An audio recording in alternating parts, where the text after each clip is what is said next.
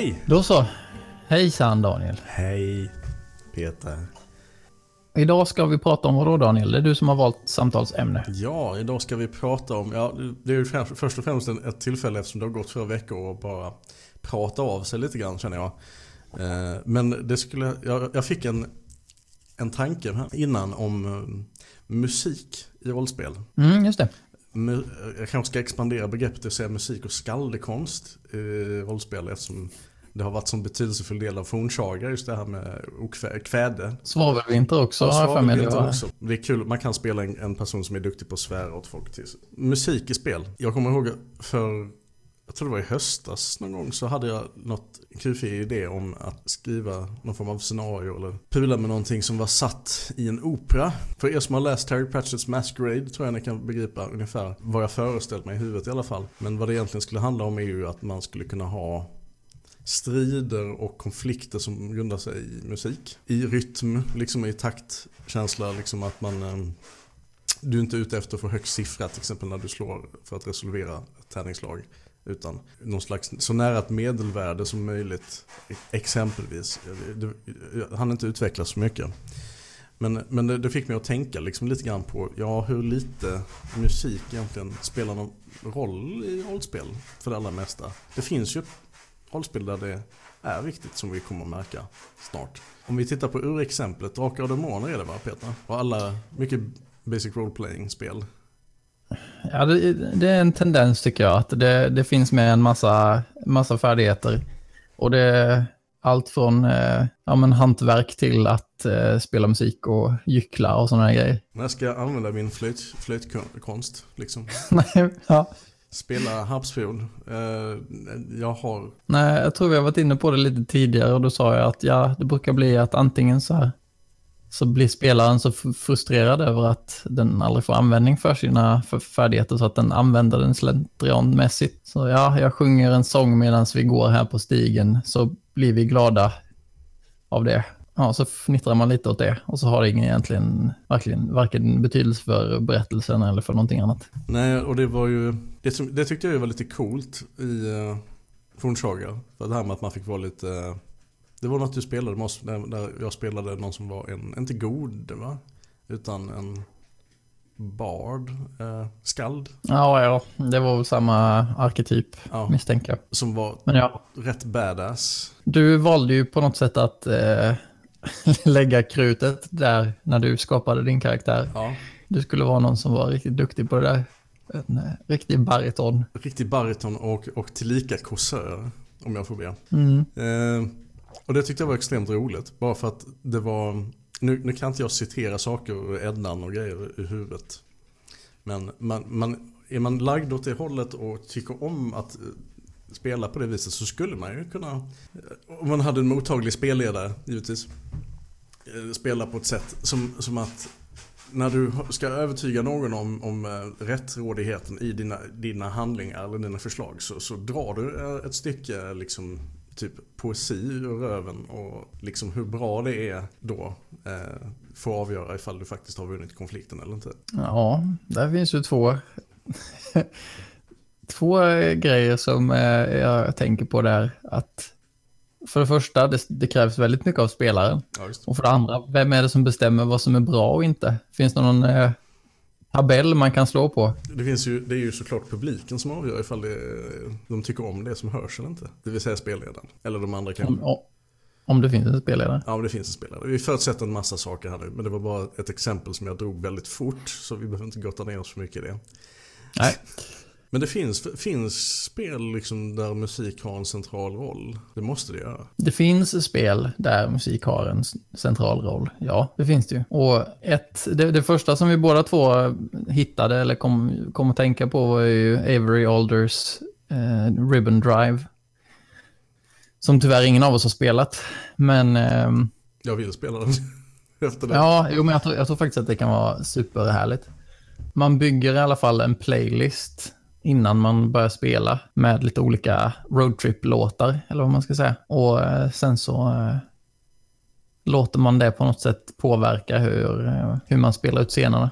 Som jag förstår det. Det är, det är ju liksom lite grann det här med vad, vad, är det för käns vad är det för typ av, vad får man för möjligheter av att spela med eller kring musik som man inte annars får. Jag upplever att vi i rollspel så har vi ju så oftast, vi har ju regler för väldigt mycket olika disparata saker. Men det är ju några saker som tenderar att få mer, få mer plats än andra.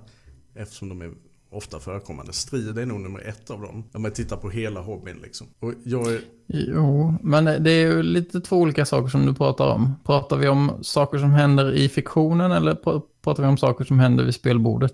Jag pratar om saker som händer i fiktionen. Ja, okej. Okay. Det vill säga att, att, jag säger inte att strid alltid måste förekomma i fiktionen, men jag menar att strid är någonting som vi förutsätt, förutsätts ta, äga rum i, i, inte all fiktion till alla spel såklart, men, men många.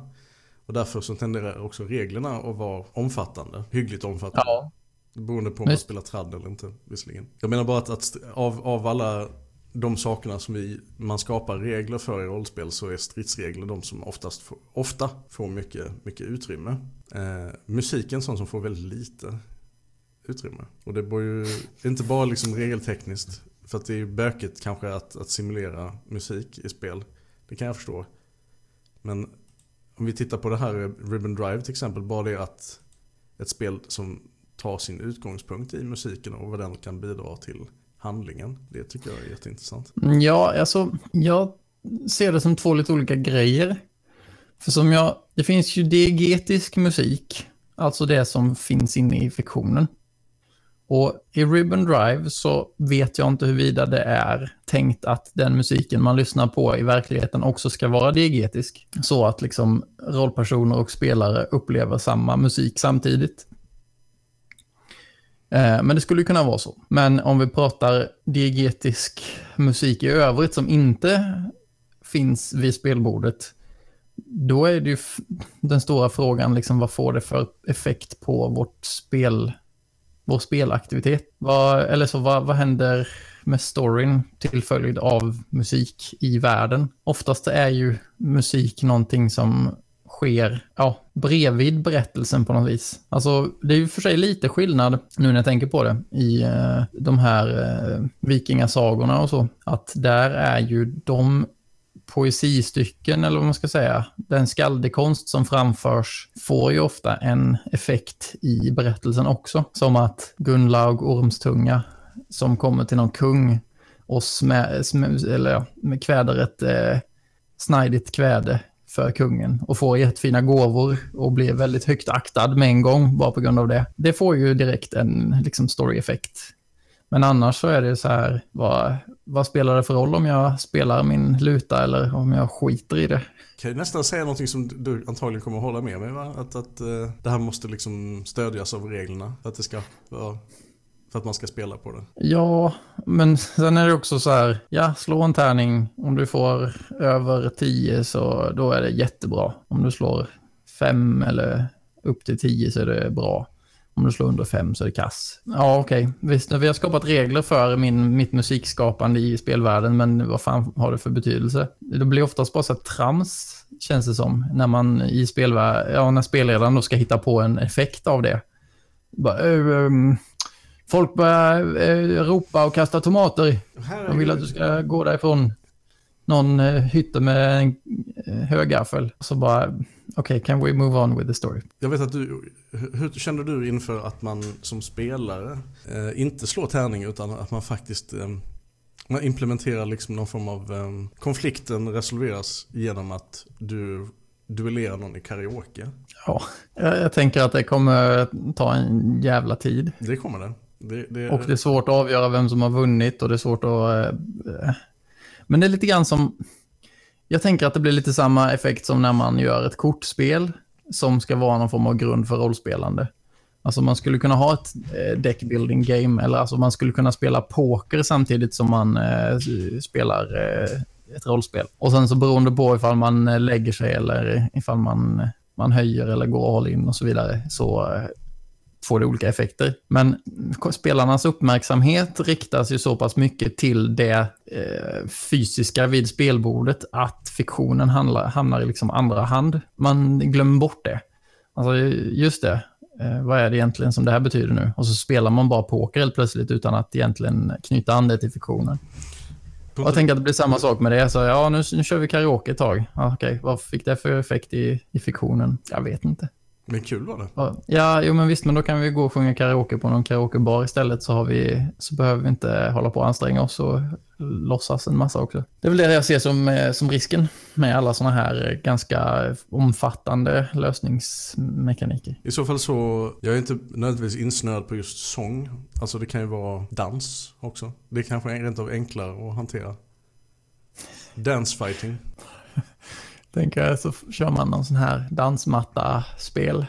Nej, men det är så... den, som, den som vinner, det är den som, är, det är ja. den som har dansat, dansat snyggast. Det är ju, okej jag inser nu när du säger det liksom att det är lite grann som att vi resolverar varje konfliktsituation med ett helt parti med risk. Eller typ vi kör ett ja, det, en ja. monopol i realtid för att eh, lösa. Det är kanske inte så effektivt eller bra. För jag kommer ihåg att jag lyssnade på en LP en AP någon gång där de hade, spelledaren hade gjort någon form av, de, just den sessionen handlar om att de går in på en klubb liksom och ska dance-battla en gammal fiende. Han hade löst det där på något ganska snyggt sätt så det, handlade, det var liksom en ganska enkel liten grej bara men, men det, de var väldigt, så här, det tog väldigt lång tid på dig att beskriva hur du, varje dansattack och motattack såg ut liksom. Så dina danssteg och som partnerns danssteg. Och så handlade det inte om att få högst siffror när man slog tärning för det här var baserat på det här var Dungeons and Dragons reglerna. Men han hade, okay. han hade gjort någon grej där, där man det handlade om att, jag kommer inte ihåg hur de fick fram det, men det var något, det var något medelvärde. Du skulle hamna så nära det som möjligt. Alltså för att som representerade då att, att du dansade i takt med din partner. Okej. Okay. Snarare än att eh, få högst siffror. Och det funkar ganska bra. Alltså... Ja, nej men visst. Uh, jag vet inte, det, det faller lite utanför mitt, uh, min intressesfär. Jag ser inte hur, liksom så här, i en strid, alltså så här, jämför en strid med en dans. Varje felsteg är ju en, ett, uh, en risk att dö. Ja. Så är det inte i dans. Alltså, visst, i slutändan så står vi där och så har vi sett, ja, har du skämt ut det eller inte? Eller har du dött eller inte? Hur illa däran är du? Hur, eh, hur pinsamt var det? Och sen, ja, okej, okay, då har vi gjort det. Men varför behövde vi veta alla precisa dan dance moves? Är det, är det väldigt viktigt? För att det är kul. Ja, men det, det är där jag bara menar att det är lite utanför min intressesfär. Jag tycker inte att det är så kul. Varken med Varken med strid eller med, med dans i detalj. Inte på riktigt heller. Dans då, inte strid. Ja, nej, jag, alltså, men det är två helt olika saker. Alltså, att dansa i verkligheten är ju på något sätt en helt annan upplevelse eh, än vad det är ifall man emulerar det i någon form av rollspel. Men om, något som jag skulle vilja prata om, om jag får lov att skifta lite fokus, eller vad man ska säga. Hur, eh, I Ribbon Drive. Hur, jag har ett exempel här på hur, man, eh, hur musiken används.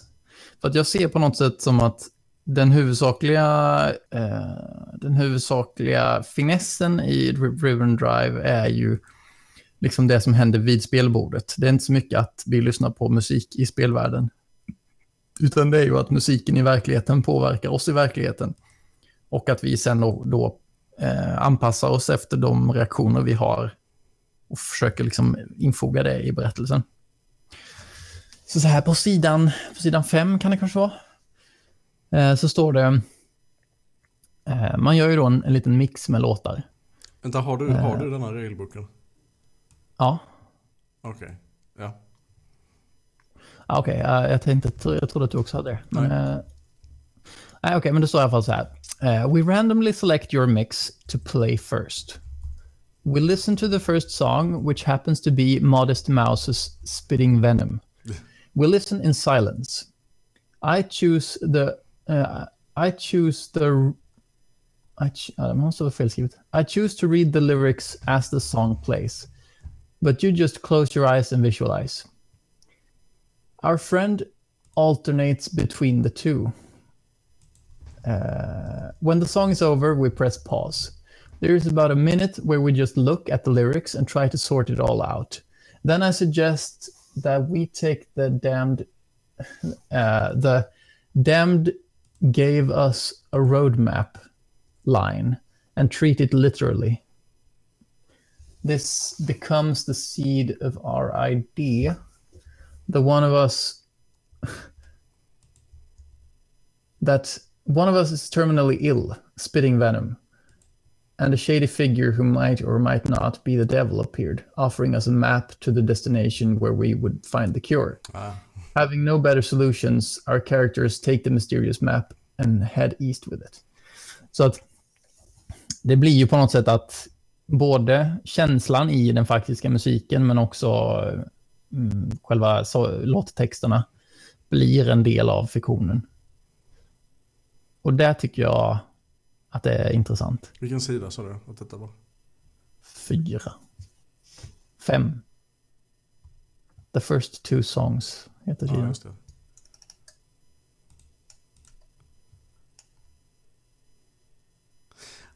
Ja, jag, bara, ja, jag får såna härliga americana vibb av allt det här. Spelar jag The Oscar liksom och så spelar det Carry On My Wayward Son. Som man kör längs en lång ökenväg. Ja, visst. Alltså en, en korsning där det uppenbarligen en gång har stått en, en stad eller en, liten bensinstation kanske. Så sta, stannar bilen. Och, eh, av sig själv. Och så framträder en, en figur plö, plötsligt ur ingenstans och står framför bilen. Han har en banjo. Han säger, jag kan lära dig spela vilket instrument du vill. Men priset är din själ. Är det en del av den låten? Tumbleweed. Nej, det är inte en del av låten. Ah, okej. Jag tänker ju att jag, jag skulle ju definitivt haft eh, Americas Ventura Highway i en sån här playlist. Ventura Highway. Kansas, Kansas, Carry On My Wayward Son. Detta hade ju varit asroligt att spela faktiskt. Jag blev sjukt sugen nu när jag läser. Mm. Vi får göra det. Men om vi ska prata med, om liksom musik i övrigt, för jag menar, det är ju... Det är många podcasts som använder musik i sina eh, shower, eller vad man ska säga. Och jag, vet, jag körde ju en del med det också när jag eh, speltestade Fornsaga eh, för en massa år sedan. Men det är ju... Det är ju lite jobb. Jävla massa jobb. Alltså det, om man, att, att preppa ett, ett äventyr eller liksom... För det, det är också svårt att ha musik som inte är kopplad till... Alltså det är svårt att ha musik till någonting som ska vara improviserat, tänker jag. Det är lättare att leta upp musik ifall du har... Eh, ifall du vet ungefär vad själva berättelsen ska handla om. Så att du kan ja, justera lite ifall spänningen, stämningen blir lite mer spänd så kan man liksom skifta till någonting som är mer, mer så eh, ja, spän, stämningsfullt. Exempelvis. Ja, det kan man ju. Ja, men jag menar, det är supermycket jobb. Alltså man ska planera och eh, preppa hela allt annat. Och sen ska man dessutom leta upp musik. Och sen kanske man ska leta upp stämningsfulla bilder. Och så ska man eh, eh dekorera sitt hem så att, eh, och hitta props som kan ligga på spelbordet. Och man ska eh, täcka för fönster och man ska baka kakor som passar settingen. Ska baka lämbrasbröd. Ja, ja precis. Jättebra. Nej men, okej. Skithårda knäcke, knäckemackor. Nej, skit. skit- Lembergsbröd smakar skitäckligt. Eh, Men alltså man vill ju inte ha kanske... Just det här med bilder, jag blir så här, va? va? Ska man sitta och bryta upp spelmötet genom att sitta och kolla på bilder? Får jag bara visa, det är mitt Pinterest-flöde här. Jag har massor med bilder som är stämningsfulla. Nej, det får ju vara någonting som är direkt så här. Så här ser eh, skurken ut. Ja, okej. Mm. Eller så, här, så här ser skattkistan ut. Så här ser eh, eh, den här, det här rummet ut. Och det här svärdet det ser ut precis så här. Ja, Svärdet som han tänker döda med er, med ser ut så här. Han gör det på det här viset. men han ringer inte ambulansen. Nej, det får inte ni göra heller. Då dör ni. Jag menar, er karaktär dör. Mm, Ja, anyways. Man skulle ju kunna då ha, ja det krävs en del jobb att förbereda. Men det beror på hur mycket, hur specifikt musik man vill ha. Alltså det här verkar ju, i vet du, Ribbon eh, Drive så verkar det mer som att man hittar stämningsmusik som kan få en att typ spinna av i, åt olika håll. Ja. Rent berätt, be- i berättandet. ja. Så det, det är ju ett... Nu, nu när jag pratar om att preppa så pratar jag om trad. Eh, huvudsakligen.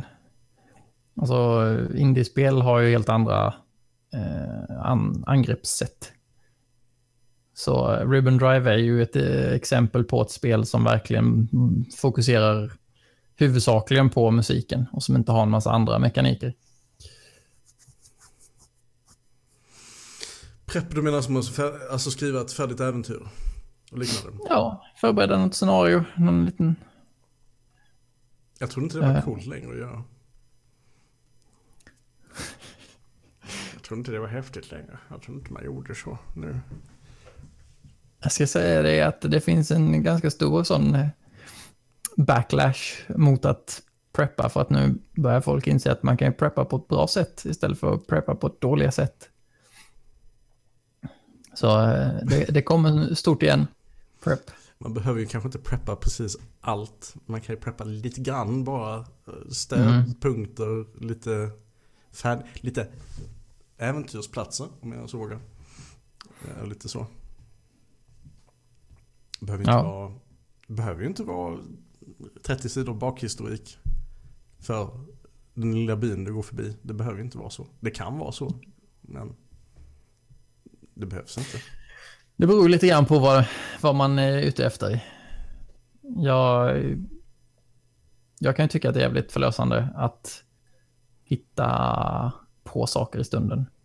Men jag kan ju också se skärmen med att man eh, bara ja, skapar ganska... Eh, ja, man skapar någon form av struktur för vad som finns i spelvärlden från början. Det är det är någonting som jag håller på med nu lite grann och försöka hitta på hur mycket, hur kan man skapa kul prep för spelledaren som man sen kan eh, ha ganska mycket som eh, en språngbräda för själva spelledandet sen. Eh, utan att det då ska behöva ta hur länge som helst och att man ska behöva läsa in sig på en jävla massa. Så jag, det håller jag på med och försöker skapa någon kul struktur för till Middle World. Vet du vad den läskigaste typen av prep är? Tycker jag. Och, och, och st- Är det, är, det, är det en ordvits nu? Nej, Nej, okej. Nej, det vet jag inte. läskigaste typen av prep. Inte Pepsi. Jag vet inte riktigt hur. Ja. Anyways. Eh, du... Eh, och ett sammanhang där det är väldigt svårt att komma undan med att inte preppa. Du vet den här tre, tre, three clue, clue rule, eller hur man nu säger.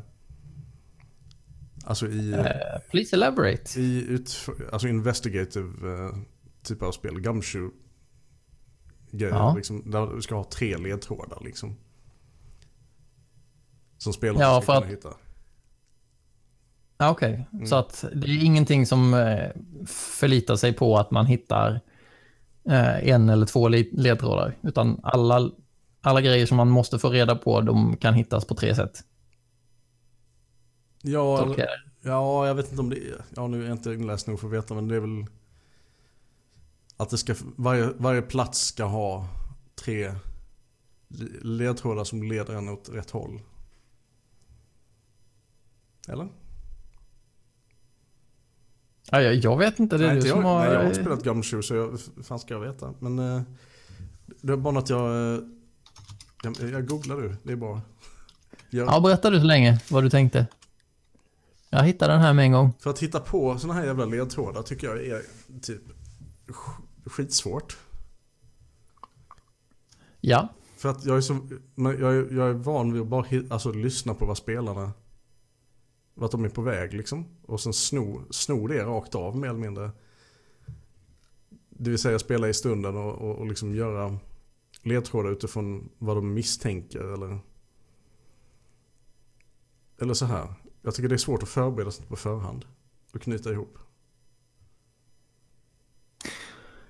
Hmm. Ja, nu, nu hittar jag här en definition på thealexandrian.net. Ja just det. det en, Som är, som, ja, det står Whenever you're designing a mystery scenario you should invariably follow the three clue rule. Which is For any conclusion you want the PCs to make include at least three clues. Okej så det är för varje, för varje grej då. Ja, precis. Alltså, för att dra en slutsats så ska det finnas tre olika ledtrådar som pekar på det. Ja. Mm. Och det är ganska svårt. Ja, och hitta på eh, ledtrådar, ja. Det är svårt. Det är, som, det, det är en, eh, du hittar ett mystiskt papper i eh, skrivbordslådan och där står en plats. Ja, men vet du vad jag tror? Om vi nu ska övergå till att, att prata om eh, prep av mysterium.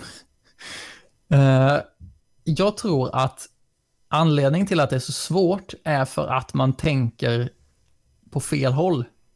Man tänker liksom ifrån vad är det för någonting som spelarna eller spelarkaraktärerna ska kunna hitta som pekar på någonting. Istället för att man tänker på rätt håll, så, ja, nu säger jag rätt håll, men jag, för mig känns det glasklart att det måste gå på andra hållet för att det ska bli organiskt och snyggt. Och det är att man istället funderar på vilka ledtrådar finns det som de här eh, personerna som är, som är, ja, men, eh, som är skyldiga, vad är det som de lämnar efter sig? För, och, det, och det är det jag tycker för övrigt då att Dungeon World och eh, kanske Apocalypse World också, ja men mycket Powered by the Apocalypse-spel gör så himla snyggt med sina eh, spelleda-moves. Ehm, eh, hint, hint at an approaching threat eller um, show signs of uh, an approaching threat eller vad det nu är. Jag kommer inte riktigt ihåg hur det är uttryckt. Men alltså att man uh, hint at what's to come. Uh, alltså att man, man hela tiden, när man tänker så, så, så bara ja okej vad är det som, vad är det som komma skall? Ja vi har vår, vår den här personen. Hur kan vi ge ett hint om den personens förehavanden? Och det är, för, mig, för mig är det himla mycket lättare att tänka på det hållet. Så att liksom mer i termer av vad har den personen tapp, tappat liksom? Eller glömt på det här stället? Ja, jag tror det. För det i i Middleworld så är det också en av de här, även fast man inte spelar så mycket mysterium där då. eh, Men alltså att det är en av de eh, huvudsakliga eh, spelledarmovesen. Och de är så himla, himla bra. De är skitbra. För att det, det är hela tiden det som driver fram. Det är ju istället för de här mörkerpoängen och skit som finns i, eh, i Coriolis. Eller sådana här... Det är liksom ett organiskt sätt att säga att nu, nu eh, går det åt helvete för er ifall ni inte gör någonting snart. Eh, och det är, lite, det är lite samma grej med de här, eh, att, alltså att lämna ledtrådar och så. Och det blir, det blir liksom ett, ett ganska snyggt sätt att, att säga, alltså för man, man tvingas som spelledare att börja fundera på, okej, okay, nu måste jag nu måste jag show signs of an approaching threat. För nu, eh, nu har du, ni misslyckats med er, ert rullande här. Ja. Uh, och då måste jag på något sätt flytta fram mina positioner som spelledare. Och så, ja men kan det vara vad fan som helst. Ni är inne i en orkgrotta, så ja, ni hör uh, oväsen ifrån en, uh, från tunneln till vänster. Vad gör ni nu? Ja, alltså den... Det är ju bättre det än... Vänta, hur knyter du an det här till mörkerpoäng förresten? Att spelaren ja, att... använder sina mörkerpoäng? Ja, men för då, alltså istället så blir det så här när i Coriolis så misslyckas du med ett slag så får, du så får spelledaren ett mörkerpoäng. Ja. Mm. När spelledaren har tre mörkerpoäng så kan den infoga en fiende, eller vad det nu är. Vad nu scenariot säger. Och det, det, fast det, det, blir precis samma sak i det här fallet, fastän det går mer organiskt. Det blir liksom inte det här, ja okej, hur många mörkerpoäng har jag? Nej, jag kan inte infoga en fiende än. Mm, vad ska jag göra då? Utan det blir mer att, ja okej, nu hör ni oväsen i vänstra gången, vad gör ni nu? Uh, vi försöker gömma oss, och så misslyckas de med det också. Okej, okay, ja då, då måste jag ju rimligtvis infoga det här hotet nu. Uh, Ja, men det blir som att de, de failar... Hotet tickar ner liksom efter varje failure. Mm. Ja, så är det ju. Och Sen kan de ju springa också eh, ifall de nu vill det. Alltså så här, det finns alltid en lösning på problemet, men saken är ju den att man hela tiden vill skapa en, eh, en snowball som rullar mot dem. Eh, och i början så är den ganska liten och lätt att undvika och sen blir den bara större och större och sen bara har den ihjäl dem. Men jag tänker i alla fall att man skulle kunna ha ett liknande tänk när det kommer till ledtrådar. Ehm. Men det beror också lite grann på hur man har tänkt. Har man ett mysterium där handlingen redan har hänt? Eller har man ett mysterium där handlingen händer just nu? Eller ska hända? Ja, men det är ju det är inte så ofta det är så, tänker jag. Det, alltså i mysteriespel så har oftast, alltså det vi hittar är liket. Okej, okay, oh, vad är det som har hänt här? Allt som har hänt lett upp till liket har redan hänt. Ja, du tänker så. Jag menar mer liksom att det kommer mera. Ja, det gör det ju säkert också, men jag menar, det, det är på något sätt, ingången i mysteriet är någonting som redan har hänt. Ja, ja. Jo, okay, och sen så brukar det alltid vara så att börjar man eh, undersöka varför saker och ting är på ett visst sätt så blir man själv indragen i det.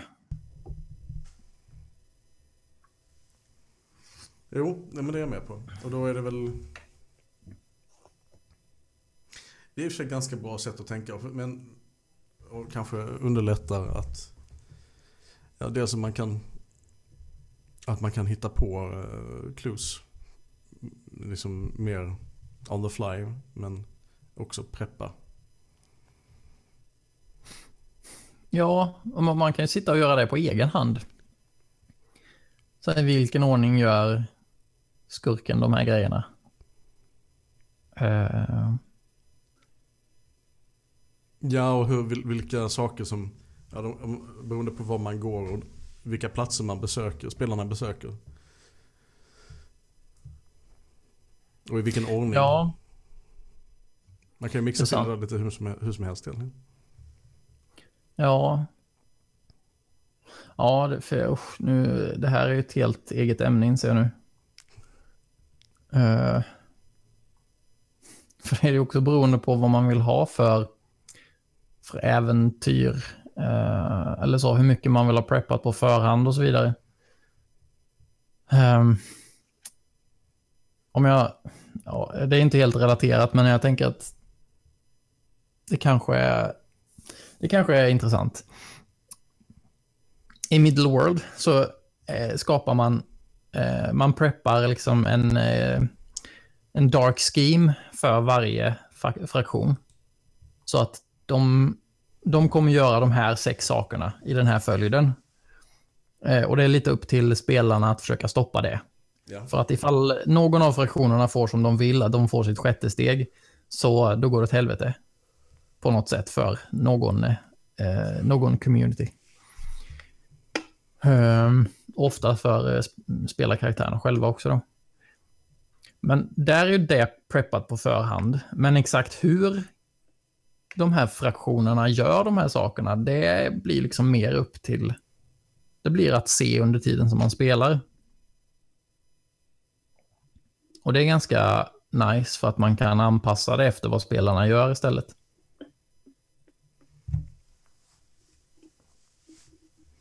Det är väl annars en sån där grej som man stöter på patrull med liksom att ja nu har de gjort det här istället för det som det var preppat att de skulle göra eller så man hade planerat att de skulle göra och sen så blir det något helt annat. Och så får man ändra i det. Och så fort man börjar nysta i det så eh, så ja, då man, kan man lika gärna bara slänga ut allt genom fönstret. Ja, det men det är ju ganska... ja, Ja, jag, jag tänkte säga det är ju ganska fiffigt med de här Pirate by the Apocalypse movesen. Att oavsett var karaktärerna är så gäller ju de här sakerna. Att du, de ska kunna hitta något, alltså man ska kunna visa på spår efter saker och ting. Man ska kunna sätta dem i knepiga situationer. Man ska, ja vad finns det? Offer a reward at a price eller ja, sådana grejer. Så egentligen spelar det inte så stor roll vart de är någonstans, utan de bara, ja, de Man ska- kan, det, ja, det, det, spelet stannar inte för att de går fel, menar jag. Nej, ja, det, är, det är typiskt bra. Eller fel. Ja, ja, ja. Mm. Hmm. Men som sagt, det är lite av ett eh, helt annat ämne tror jag. Alltså prata, att skapa mysterier kan man nog snacka om eh, som ett, snacka om ganska länge. Mm. Jag har inte, Borde bjuda in Mikael Bergström. Eh, som älskar mysteriespel. vad, vad hade vi annars liksom på agendan? Vad var det? Det var prep. Alltså, eh, nu har vi ju eh, snackat musikspel Ja, och vi... Det står, det, en- enligt vår titel så ska vi ha sommarsnack och lösa funderingar. Lite sommarsnack har vi kanske haft. Jag vet inte riktigt vad som omfattar sommarsnack. det, det är nog lite allt möj- vad som helst. Vad som än faller en i. Ja, Med det ska vi, ska vi runda av här. Har du några avslutande, några slutpläderingar? Nej, jag ska ut och springa nu tänkte jag. Okej. Vi hörs och så då. Ja, tack för idag Daniel. Tack själv. Vi, eh, vi tar och pratar om något super, super intressant nästa gång, så glöm inte att eh, kolla in då. Nej, för, för guds skull. Gör inte. Eh, jag kan säga att det är alltså 21 juli, Ja. 11.30.